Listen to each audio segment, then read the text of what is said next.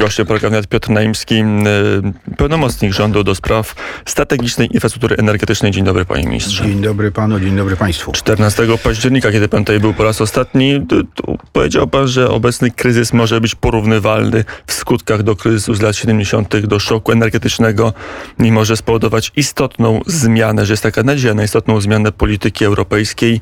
Jak ten kryzys się rozwija i jak przekłada się na politykę europejską? Yy, przekłada się bardzo, bardzo głęboko. To znaczy, odczuwamy ten kryzys yy, przez yy, całą jesień. Dziś, te, dzisiaj jesteśmy w zimie już. Można powiedzieć, że dzięki Bogu temperatury. Yy, dzisiaj plus są, 6. Jest dzisiaj plus 6, tak. W związku z tym pogoda nam sprzyja, temperatura nam sprzyja, dlatego że każdy stopień poniżej zera mniej, to niżej, to jest y, więcej zużycia gazu. Za ten gaz trzeba płacić y, bardzo dużo w tej chwili. Y, I to nie tylko w Polsce tak jest, tylko w całej Europie. Kryzys dotyka gospodarki krajów europejskich. E, we wszystkich faktycznie rzecz biorąc, albo prawie wszystkich krajach e, europejskich rządy organizują pomoc dla tych, którzy muszą gaz używać. Także w Polsce, także u nas przecież tak się, tak się dzieje. Wczoraj Sejm przyjął naprawdę ważny pakiet ustaw, który, który powoduje, że taryfa za gaz, czyli mówiąc krótko, y, dotacje do odbiorców zostały rozciągnięte na bardzo duży y, zakres y, no, działalności, można powiedzieć, różnego rodzaju w Polsce, bo to nie tylko już nasze domy, ale to są szpitale, to są, to są żłobki, to są przedszkola, to są, to są domy opieki społecznej. Rzeczywiście instytucje kultury tak, także. Kościoły, związki wyznaniowe również. Tak, tak. I kościoły, znaczy po prostu... E, Wszędzie tam, gdzie toczy się życie społeczne, ale a nie jest to rzecz komercyjne. Ale, ale to oznacza, że... Y, PGNiG, który dostarcza ten gaz, skądś te pieniądze musi dostać, bo PGNiG kupuje ten gaz bardzo drogo, y, musi go kupić bardzo drogo, a y, sprzedaje w tej sytuacji według taryfy, która została owszem podniesiona, musiała być podniesiona, ale tam o około 50%, a nie o 300% czy 400%. Ale nie tylko PGNiG, także inni, także inni usługodawcy, inni dostarczyciele tak. gazu dostaną wyrównanie, jak rozumiem. Y to jest, to jest kwestia e, rzeczywiście mechanizmów e, różnego rodzaju, które już teraz nie będę ich tutaj opisywał dokładnie, ale w każdym bądź razie rzeczywiście jest tak, że PGNiG, ma lwią część rynków e, tego gazowego w Polsce i to jest główny, główny problem. No i ostatnie tygodnie to jest rzeczywiście działanie na rzecz utrzymania tego rynku, prawda? I, e, ale to jest tylko kawałek tego obrazka, dlatego że oczywiście energia elektryczna jest tutaj też e, istotnym elementem, e, a, a wszystko to razem jest spowodowane działaniem w bardzo dużym stopniu działaniem manipulacyjnym rosyjskim, czyli politycznym, czyli płynie, ten impuls płynie z polityki, bo sytuacja, w której e, jedno oświadczenie ważnego polityka w Moskwie, któregokolwiek, powoduje, że skok ceny gazu o e, kilkadziesiąt procent e, w górę, a skierowanie statków z LNG z Ameryki do Europy powoduje z kolei obniżenie o kilkadziesiąt procent, no to po prostu to są działania e, polityczne I, i Rosjanie e, manipulują, Rosjanie pokazują po raz kolejny, bo to jest po raz kolejny w perspektywie minionych 30 lat, e, że dostawy gazu z ich punktu widzenia są narzędziem politycznym. Też po raz pierwszy, dobrze pamiętam, to był rok 2006, pierwszy rząd Prawa i Sprawiedliwości wtedy dało się tak wyraźnie odczuć, że Rosja gazem gra w sposób bezpośredni. Zresztą też pan był zaangażowany zaangażowany. Nawet w 92 roku, muszę panu, państwu powiedzieć, w styczniu, kiedy zostały bardzo ograniczone dostawy gazu z Rosji do Polski. Była zima, wtedy była ostra zima, to był rząd Jana Olszewskiego e, i, e, no i okazało się, że tego gazu nie ma i myśmy robili listę wtedy, musieliśmy robić listę zakładów przemysłowych, które będą w pierwszej kolejności niestety odłączane. E, to się udało zażegnać wtedy. Wtedy Rosjanie tłumaczyli, że no właśnie rozwiązał się Związek Sowiecki, w związku z tym jest bałagan i że to... No, ale to był dla nas sygnał alarmowy. A w tym roku jest taka lista? Na szczęście jesteśmy już w zupełnie innym etapie e, i przerwanie dostaw, jakieś nagłe przerwanie dostaw gazu ze wschodu nie spowoduje katastrofy w Polsce. Jesteśmy przygotowani do tego, żeby taki kryzys zażegnać. Gaz system jest przygotowany, PGNiG też jest przygotowany, mamy interkonektory już działające. Także y, y, można mówić o być może przejściowych kłopotach, jakichś ograniczeniach tu i ówdzie, ale nie o katastrofie, tak jak wtedy, 30 lat temu. Ta sytuacja się zmieniła na lepsze, a zmieni się radykalnie y, z końcem tego roku, dlatego że w, będziemy mieli pokończone te wszystkie inwestycje, które rozpoczęliśmy 6 lat temu, głównie y, ten gazociąg z Norwegii przez Danię do Polski, Baltic Pipe. Baltic Pipe i brama północna razem z gazoportem. I, to, I to nam załatwi, znaczy to rzeczywiście rozwiąże problem strategicznie w przyszłym dostaw roku gazu dla Polski, ale nie finansowo. Będziemy w przyszłym roku brać gaz z Rosji, czy nie będziemy? Mm, kończymy kontrakt długoterminowy z końcem, z końcem roku. E, wszystkie e, infrastrukturalne, jak my to mówimy, czyli wszystkie możliwości wprowadzenia gazu do Polski e, będą zabezpieczone przez Gaz System, który jest za to odpowiedzialny, a PGNiG jest odpowiedzialny za kontrakty. PGNiG e, ma e, portfel kontraktów różnego rodzaju i musi mieć tych kontraktów tyle, żeby nie licząc dostaw ze wschodu móc zabezpieczyć wszystkie polskie potrzeby. I to jest fizycznie możliwe. To jest fizycznie fizycznie, możliwe. A dopuszcza pan minister możliwość podpisania kolejnej umowy długoterminowej z Rosją? Na nie, innych warunkach? Nie, nie. Długoterminowych żadnych rozmów, żadnych umów z Rosją nie będzie. To, to był, to był e, premier Pawlak w 2010 roku, który chciał przedłużyć długoterminową do 37 umowę roku. do 37 roku. Na szczęście to się nie stało. To być może za chwilę pan Pawlak, który teraz wrócił do władz w PSL-u, być może będzie koalicjantem Prawa i Sprawiedliwości. Nie da się wykluczyć. W polityce wszystko jest możliwe możliwe. Pan Pawlak e, puszcza oczko w kierunku Prawa i Sprawiedliwości, ale to już temat czysto polityczny, a my polityką się taką parlamentarną dzisiaj nie zajmiemy. Zajmiemy się gazową, czyli nie będzie długoterminowego. To jaki będzie kontakt z Rosją? Żaden w ogóle, ani jedna molekuła gazu z Rosji do Polski nie, nie wpłynie w 23. O, molekuła, o molekułach to jest inna sprawa. Dyskusja o molekułach. Metan jest, jest metanem e, i e, gaz e, na rynku europejskim jest gazem zmieszanym jest gazem pochodzącym z Rosji, z Morza Północnego, z Afryki Północnej.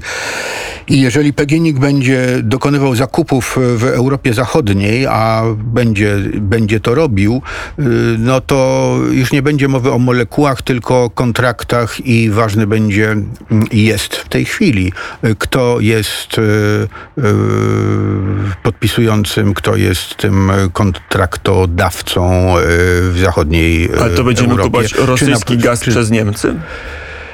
to się może, jeżeli chodzi o molekuły, może się okazać, że to jest, że to tak jest, ale to nie ma już znaczenia. To nie ma już znaczenia. Kontraktowo, kontraktowo to będą, czy powinny być kontrakty z cywilizowanymi, z cywilizowanymi, a nie politycznymi podmiotami. A jaki gaz popłynie przez Baltic Pipe? To będzie gaz... gaz z szelfu, y, północ, z szelfu norweskiego. Z naszych koncesji czy z innych koncesji? Y, z naszych koncesji część, dlatego że PGNiG tam ma y, w tej chwili możliwość, czy od początku przyszłego roku, około 2,5 miliarda metrów sześciennych własnego wydobycia ale także na szelfie jest kilkudziesięciu producentów e, i to jest właśnie ta, ten zysk, prawda, to zróżnicowanie także i producentów. E, e, oni tam są na szelfie i są możliwości zakupów po prostu na szelfie i dopełnienia tego gazociągu do takiej ilości, która będzie potrzebna. Także no, do tego dochodzi oczywiście, dochodzą dostawy skroplonego gazu. E, PGNiG ma kontrakty średnio i długoterminowe na te dostawy. E, gazoport w Świnoujściu działa w tej chwili w 100%. E, będzie kolejny gazoport?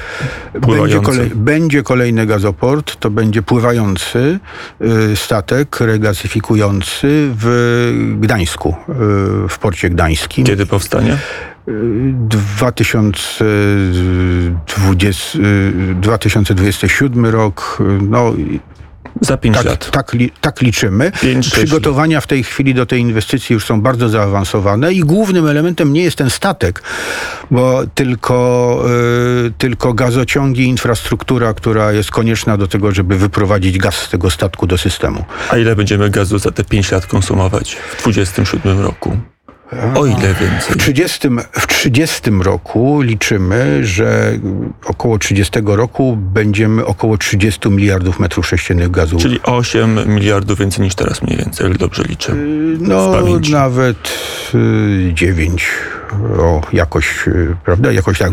O 50%, o 50% więcej niż. Co niż, będziemy niż z tym dzisiaj, gazem robić? Niż dzisiaj.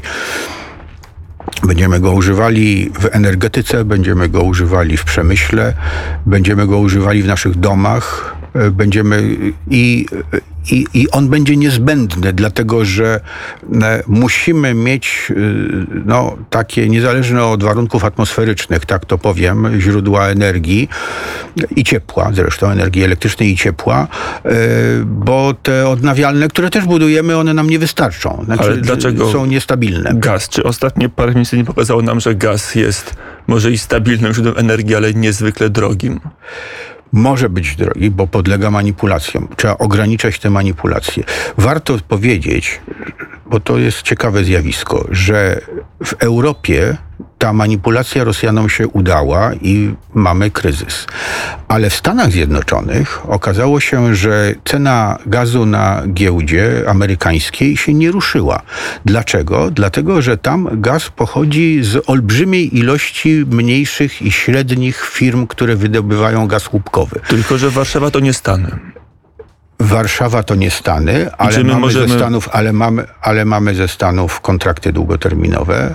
Mamy i część z nich jest e, indeksowana do giełdy amerykańskiej. W związku z tym to jest część, to, to jest, to jest pozytywne. Nie uchroniły nas przed podwyżkami gazu o 60%. Pan redaktor prowadzi do tego, że, że gaz jest drogi. Wszystko jest drogie. Energia jest droga energi energia po prostu, y, czy surowce energetyczne, one nie wydaje się, żeby taniały.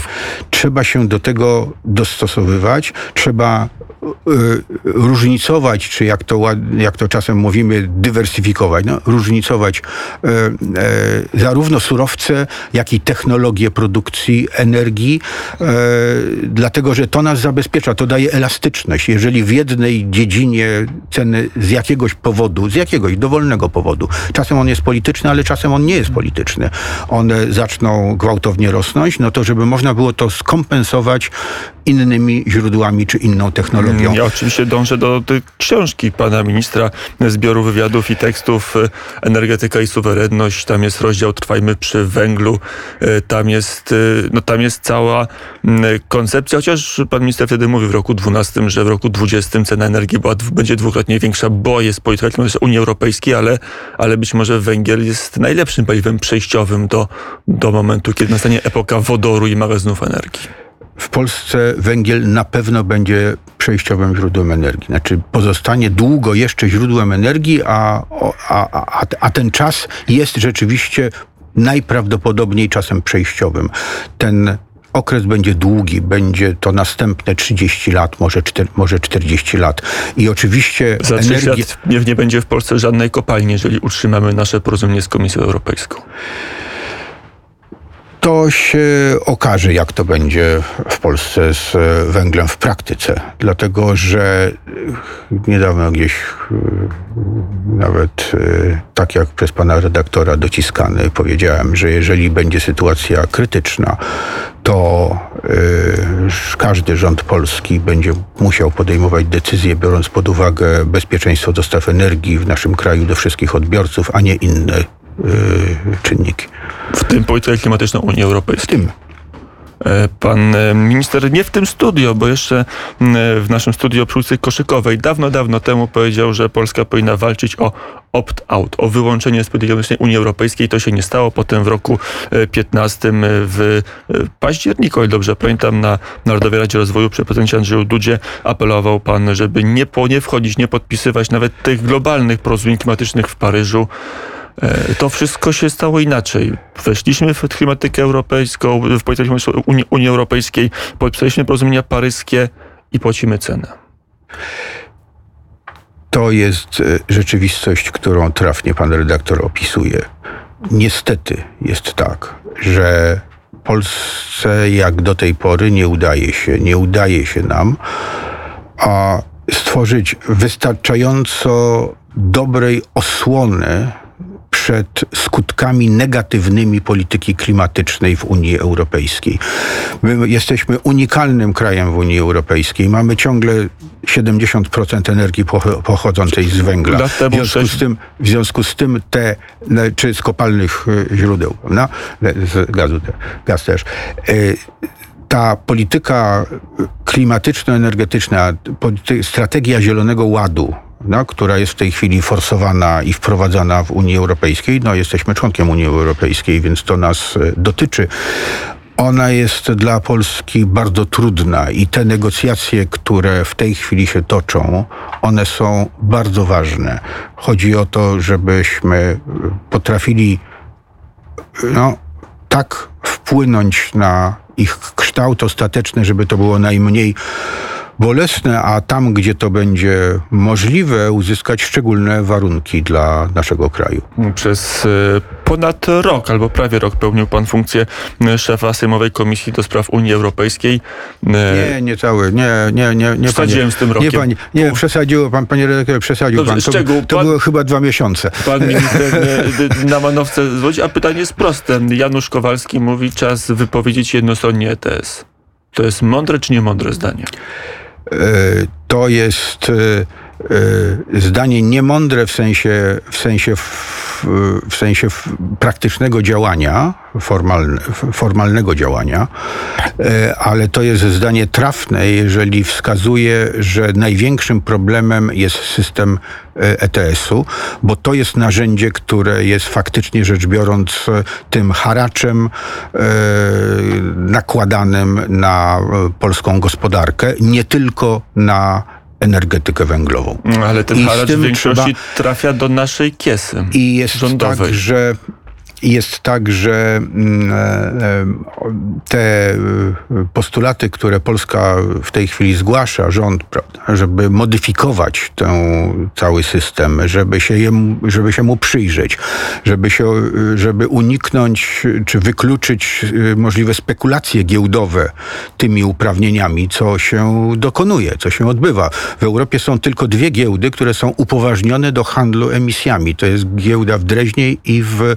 Londynie. E, I e, e, instytucje finansowe, one w tej chwili spekulują. One kupują, licząc na to, że na pewno cena wzrośnie, a jak one skupują, a jest ograniczona ilość, to, to jest, można powiedzieć, samograj. To znaczy, jak no dużo skupią, to cena wzrośnie.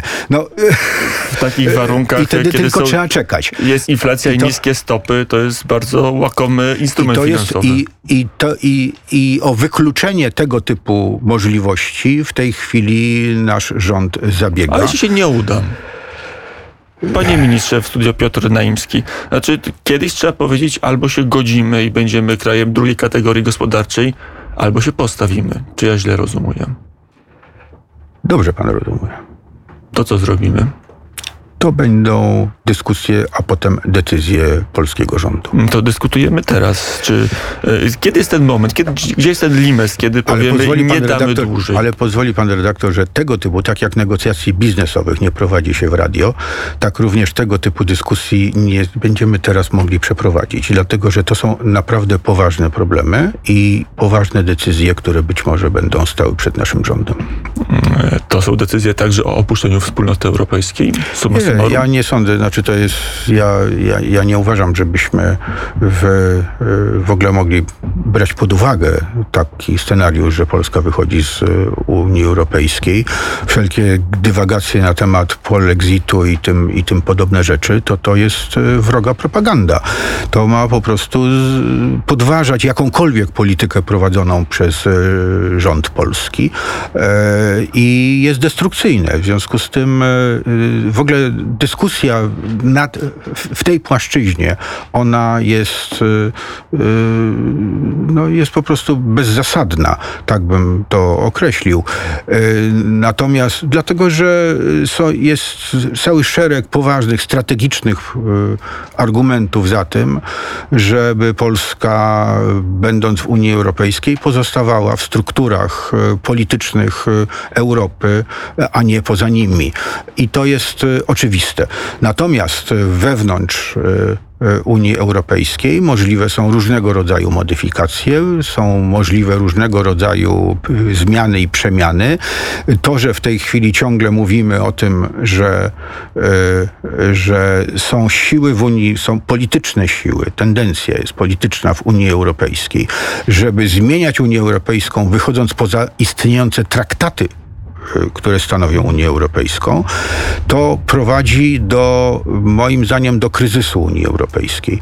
I do takiego kryzysu Unii Europejskiej, że trzeba będzie na nowo przemyśleć, w jaki sposób państwa europejskie mają ze sobą współpracować. I to jest przed nami. I nad tym warto się zastanawiać i warto ten nowy kształt sobie y, potrafić wyobrażać. E, zanim narysujemy nowy kształt wspólnoty europejskiej, to jeszcze powiedzmy dwa słowa o wielkiej fuzji.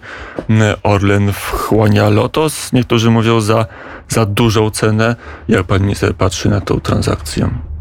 Ja życzę wszystkiego dobrego nowemu koncernowi. E, I, Warta skórka wyprawki? I e, czas pokaże, jakie będą ekonomiczne skutki dla takie długoterminowe dla rynku energetycznego w Polsce, dla, dla, polskiej, dla polskiej gospodarki. Ale co znaczy czas pokaże? Tak, dlatego że trudno jest. To nie ma pan minister pewności, że to jest doskonały pomysł? E, ja bym chciał, żeby ten pomysł sprawdził się w praktyce. E, trzeba przyjmować, e, że ja przyjmuję, że te analizy dokonywane przez PKN Orlen, który jest tutaj, prawda, tym inicjatorem i motorem tej całej przemiany, że one są oparte na przesłankach, które są wystarczające. No, Zobaczymy, jak to będzie funkcjonowało. To jest, y, jak mówię, sytuacja, w której trzeba życzyć wszystkiego dobrego, powodzenia nowej firmie, bo to jest nowa, bo to jest nowa firma, a także i, y, no, powiedziałbym, y, pozytywnej współpracy z nowymi podmiotami gospodarczymi, które się pojawią na polskim rynku. Dlatego, że jeżeli ta fuzja się dokona, to na polskim rynku pojawią się dwa poważne, nowe podmioty gospodarcze. I my, my mamy pewność, że to będzie dobra opozycja. To jest trochę żartobliwe, bo Platforma Obywatelska e, z Januszem Ladowskim na pokładzie krytykuje tą transakcję jako wyprzedaż sreber rodowych, jako wpuszczanie Rosji do Polski, do Polski energetyczne. Nie, to jest znowu y, demagogia, która, która jest stosowana dla podgrzewania politycznej atmosfery. E, natomiast e, nie jest dziwne, że wszyscy w Polsce z uwagą będziemy obserwowali rezultaty tego gospodarczego, ekonomicznego posunięcia, dlatego że to nie dotyczy tylko jednej firmy w Polsce, tylko dotyczy jakiejś tam z szeregu firm, tylko dotyczy największej firmy w Polsce i tworzy e, koncern, który faktycznie rzecz biorąc, e, nie ma sobie równego w Polsce, e, zacznie odgrywać, i tutaj jest pewna szansa, prawda, i nadzieja, że zacznie odgrywać istotną rolę w środkowej Europie, wychodząc poza granice naszego, naszego kraju. Orlen zresztą ma swoje rafinerie poza granicami już od dłuższego, od dłuższego czasu. To jest szansa, y, to jest nowy obszar. My do tej pory w Polsce nie mieliśmy takiego koncernu, który byłby w stanie działać realnie poza y, Polską. Teraz on się tworzy y, i w tym sensie to jest nowe i dlatego ja mówię, że, że, że czas pokaże, jak nam się to, to uda nie- zrobić. nie ma być- Nam Polsce. Nam to nie ma być wszystko, bo Orlen chce się połączyć z PGNiG-em. To są dalsze plany, które były, były ogłaszane. Zobaczymy, jak to się będzie, jak to się będzie toczyło. Pan jest E, To była, entuzjastą takiego wielkiego multi-energetycznego koncernu? Wie pan, ja nie chciałbym określać tego w kategoriach entuzjazmu czy braku entuzjazmu. To jest y, y, duża szansa, dlatego że duży, taki liczący się podmiot gospodarczy w sektorze energetycznym w Europie to jest siła, to, jest, to są możliwości, ale także i są to wyzwania, dlatego że zarządzanie takim podmiotem y, jest y, bardzo skomplikowane. I Prowadzenie go z dnia na dzień, z tygodnia na tydzień jest to bardzo skomplikowane. A Takim czebolem chciałoby się powiedzieć. To ostatnie pytanie, tradycyjnie o elektrownie atomowe. Jak harmonogram, kiedy mamy decyzję lokalizacyjną wstępną? Mamy preferowane, preferowaną lokalizację, która została podana, to jest Choczewo na Kaszubach. E, Mamy, no nie dalej jak e, wczoraj, e, Sejm przegłosował, przyjął w głosowaniu mm, taką nowelizację ustawową, która, która uzgadnia procedury y, środowiskowe, czyli uzyskiwania pozwoleń środowiskowych dla elektrowni jądrowej y, z obecnym prawem w Polsce. I to pozwala w momencie, kiedy ta ustawa wejdzie w życie, a to już się niedługo stanie, y, złożyć formalnie gotowy już y, raport y, środowiskowy przez spółkę Polskie Elektrownie Jądrowe do Głównej Dyrekcji Ochrony Środowiska. To rozpoczyna procedurę również transgranicznych konsultacji, które są wymagalne w Unii Europejskiej. Jednym słowem, ten proces uzyskiwania pozwoleń, wszystkich możliwych pozwoleń dla y, budowy, budowy on y, się toczy. On jest, y, on jest wszczęty. A równolegle realizujemy umowę z rządem amerykańskim i przygotowywana jest ta oferta, która w tym roku, w, pod koniec lata, będzie przedłożona polskiemu rządowi. Francuzi podobną ofertę złożą? Koreańczycy, czy nie mają? Mamy Po co? różnego rodzaju rozmowy, zapowiedzi. Zobaczymy, co w praktyce się okaże. Gazu w tym roku wystarczy w następnym? Tak. Magazyny będą uruchomione, czy nie? Wie pan, z magazynami gazu w Polsce to jest tak, że one są y, zapełniane w lecie i zczerpywane w zimie, ale ponieważ temperatury są wysokie w y, tej zimy, w związku z tym one są prawie nienaruszone w tej chwili, a już jest połowa stycznia. Mm, To może warto je uwolnić. Wtedy byłoby taniej. Chcemy być bezpieczni, panie redaktorze, w związku z tym e, chwilę, spokojnie. Nie będziemy reagowali nerwowo. Mm, Powiedział Piotr Naimski, pełnomocnik rządu do spraw strategicznej infrastruktury energetycznej. Dziękuję bardzo panie ministrze za rozmowę. Dziękuję bardzo, dziękuję państwu. Na zegarach 8 i 42 minuty. To chyba teraz mamy Pink Floydów? Mamy. Ale teraz zespół Pink Floyd.